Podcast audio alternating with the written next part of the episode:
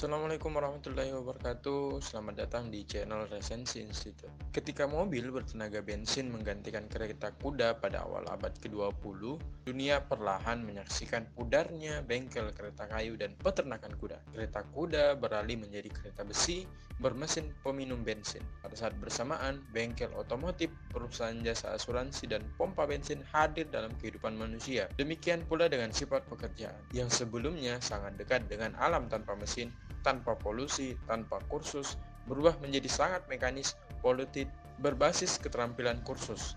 Di seluruh dunia, manusia menyaksikan satu peralihan. Masyarakat pertanian, peternakan menjadi masyarakat industri dan jasa. Singkat saja, disrupsi adalah sebuah inovasi.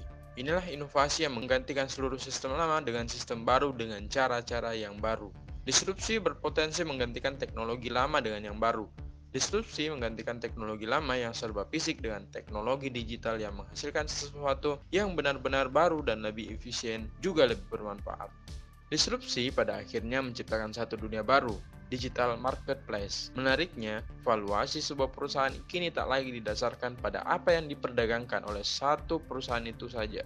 Valuasi baru kini juga mengelurkan prospek yang tampak pada keberadaan lembaga atau perusahaan itu dalam membangun ekologi yang dulu kita sebut sebagai pasar. Celakanya, pasar menurut pelaku usaha lama atau incumbent menganggap bahwa pasar adalah bangunan berupa toko, gedung atau tempat pertemuan fisik dari ribuan orang. Bagi regulator lama, setiap usaha itu harus ada izinnya dan fokus. Padahal kini kaum muda hidup di dunia yang berbeda, dunia virtual yang tak kelihatan. Gurley mempersyaratkan 10 hal agar digital marketplace terbentuk. Persyaratan yang pertama, apakah marketplace yang Anda kembangkan mampu memenuhi tuntutan perilaku baru yang menghendaki kemudahan dan efisiensi. Kedua, apakah marketplace ini mampu memberi value yang lebih besar dari metode atau pasar atau cara pengumuman yang selama ini telah ada. Ketiga, apakah marketplace ini memanfaatkan teknologi yang menjamin efisiensi?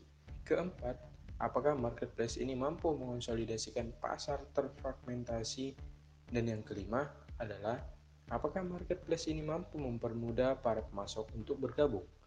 Yang keenam, apakah marketplace ini mampu melayani permintaan dalam jumlah besar.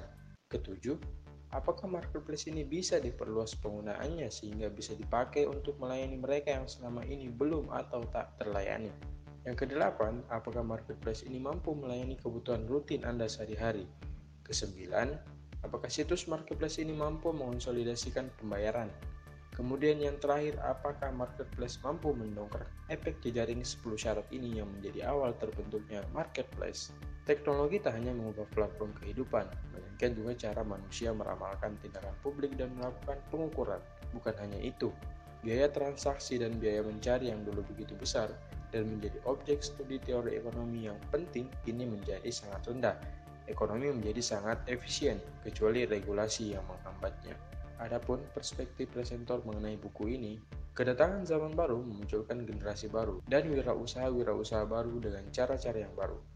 Dan tak lama kemudian, kita menghadapi situasi ketika batu-batu berterbangan, bendera dikibarkan, dengan baju disingsingkan, otot-otot pihak yang menjadi korban pun ditonjolkan, kaca-kaca gedung atau kendaraan dipecahkan, jalan ditutup, demo-demo besar bermunculan, terkadang bahkan menelan satu dua korban jiwa. Itulah akhir zaman yang dalam istilah disruption disebut dengan trend break alias berakhirnya suatu tren.